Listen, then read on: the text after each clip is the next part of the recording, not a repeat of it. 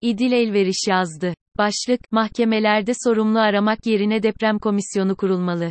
Mahkemelerde sonuç almak. Bugünlerde 13 milyon insanı etkileyen büyük depremin cezai ve hukuki sorumlularını belirlemek için delil toplanması da dahil olmak üzere birçok baro ve çeşitli avukat gruplarının bilgi paylaşımları oluyor. Adaletin yerine gelmesi için mahkemeleri adres gösteren bu iyi niyetli girişimler önemli bir sorunu atlıyor. Depremzedeler gibi hem travma yaşamış ve kırılgan durumda olan hem de halen en temel ihtiyaçlarını karşılamakta zorluk çeken insanlar, mahkemelere başvurmaları durumunda, iddialarını ispat etmek durumundalar.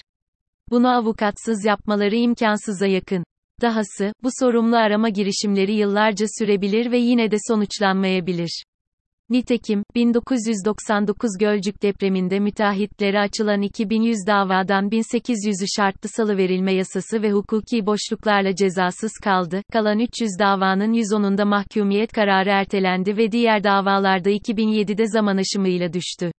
Sakarya'da 695 davadan 5'inde, Kocaeli'nde 600 davadan 12, Sinde, Yalova'da 173 davadan birinde mahkumiyet çıktı.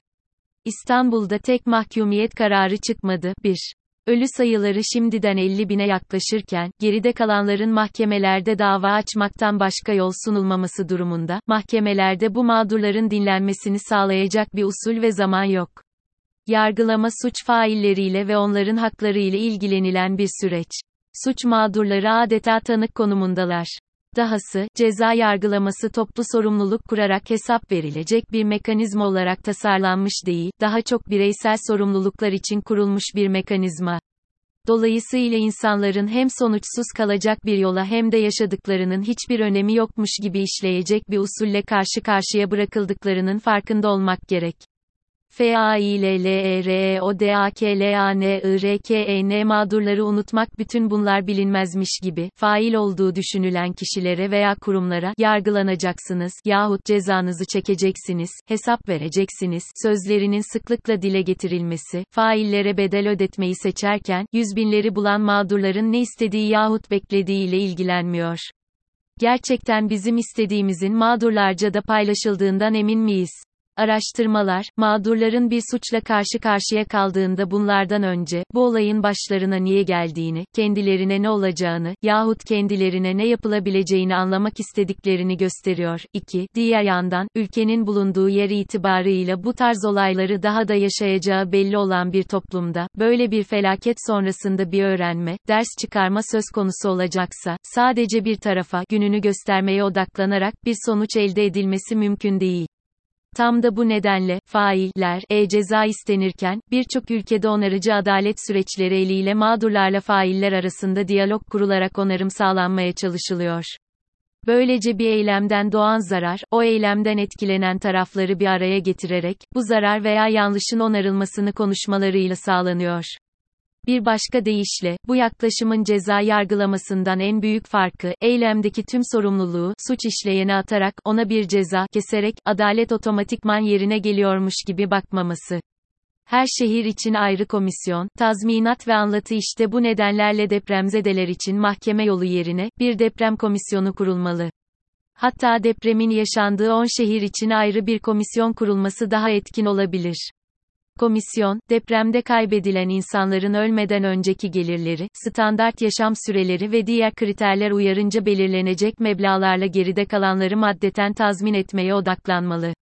Bunun yıkılan evlerle ilgili olmadığı, hali hazırda bir kısmı için zaten zorunlu deprem sigortası olan DASK poliçesi olduğu hatırlanmalı, 2023 için belirlenen bedel 650 bin TL civarında olsa da. Ancak bu komisyonun sadece bir hesap kitap işi, bir para ödeme mekanizması olarak düşünülmesi yanlış olur. Tam da onarıcı adaletle ilgili temel kavramlar açısından dile getirmek gerekirse, depremzedeler sadece evlerini, eşyalarını ve aile üyelerini kaybetmediler. Aynı zamanda, anılarını temsil eden binaları, içinde yaşadıkları mahalleyi, onu oluşturan insan topluluğunu, komşularını ve şehirlerini kaybettiler. Tümünün hikayeleri var, çoğu başka illere taşınıyor, bugüne dek yaşadıkları şehre belki geri dönecekler belki dönmeyecekler. Nokta. Komisyonlar bu anlamda sadece şehirde kalanlara değil, o şehrin insanlarının dağıldığı yerlerde de toplanarak, mağdurları dinlemeli. Kısaca, mağdur odaklı olmalı. 11 Eylül sonrası ABD'de kurulan komisyon buna benzer bir komisyon, ABD'de 11 Eylül saldırıları sonucunda kuruldu. Başına da Kenneth Feinberg adlı ünlü bir avukat getirildi. Feinberg, adını ilk kez ABD'nin Vietnam Savaşı'nda ordunun Agent Orange adı verilen bitki öldürmeye yönelik bir ilaç kullanmasından dolayı, savaştan dönen gazilerin ve sonra doğan çocuklarının yaşadıkları sinir ve diğer hastalıklar nedeniyle açılan davada görev almasıyla duyurdu. Kamuoyunun hassas olduğu dava, gazilerin yaşadıkları zarar ve çektikleri acı ile kimya endüstrisinin ürünü olan ilacın arasında illiyet bağı, neden-sonuç ilişkisi, kurulup kurulamayacağı arasında gidip geldi. Davaya bakan hakim, davanın kendisinin vereceği kazanan ve kaybeden ekseninde değil, tarafların sulh olarak anlaşmayla bitmesi gerektiğini düşündü ve Feinberg'den tarafların müzakere etmesi için aracılık etmesini istedi. Taraflarla görüşen Feinberg, davanın anlaşmayla bitmesini sağladı. Bunun üzerine Feinberg, ABD'nin Virginia Tech ve Sandy Hook gibi okullarında gerçekleşen silahlı öldürme, Meksika körfezindeki petrol platformu yangını Deepwater Horizon, Boston Maratonu bombalaması ve diğer ürün sorumluluğu olaylarında da görev alan bilinir bir kişi oldu. Tazminat miktarlarını ise bazen devlet, bazense ürün sorumluluğu olaylarında olduğu gibi şirketler ödedi. Bu nedenle deprem komisyonunda da ödemelerin hem merkezi hem yerel hükümet hem de son yıllarda ülkenin en büyük karlarını elde etmiş inşaat sektöründen gelecek katkılarla oluşturulması oldukça yerinde olur. Komisyonda dile gelen iki hikaye Feinberg, ücretsiz görev yapmayı kabul ettiği bu komisyon kurulunca, sadece bir kişinin kazandığı maaşa göre kaç para alacağına dair bir değerlendirme yapmamış. Kendisiyle görüşmek isteyen herkesle görüşmüş. Ki 11 Eylül saldırılarında 3000'den fazla kişinin ölümü söz konusuydu. Feinberg gerek olmadığını söylemesine rağmen, kendisiyle görüşmeye, benden kimin alındığını görmenizi istiyorum, diyerek evlilik videosunu izleten bir kadınla karşılaşmış. Yahut itfaiyeci eşinin öldüğünü, 6 ve 4 yaşında iki çocuğu olduğunu söyleyen bir kadın, alacağı parayı anladığını ama bu paranın ödenmesini bekleyecek zaman olmadığını ifade etmiş. Paranın kendisine 30 gün içinde verilmesini zira 10 hafta ömrü kaldığını anlatmış.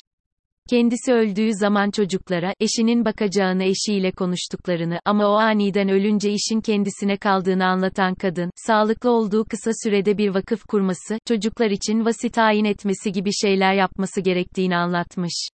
Feinberg, hazine ile konuşup sorunu çözmüş ve kadın da 8 hafta içinde ölmüş. Bu tarz hikayelerin herhangi bir mahkeme sürecinde dile gelmesinin mümkün olmadığını, kişilerin hakkaniyet duygusunun bir nebze yerine gelmesinin bu tarz imkanlardan geçtiğini unutmamak lazım.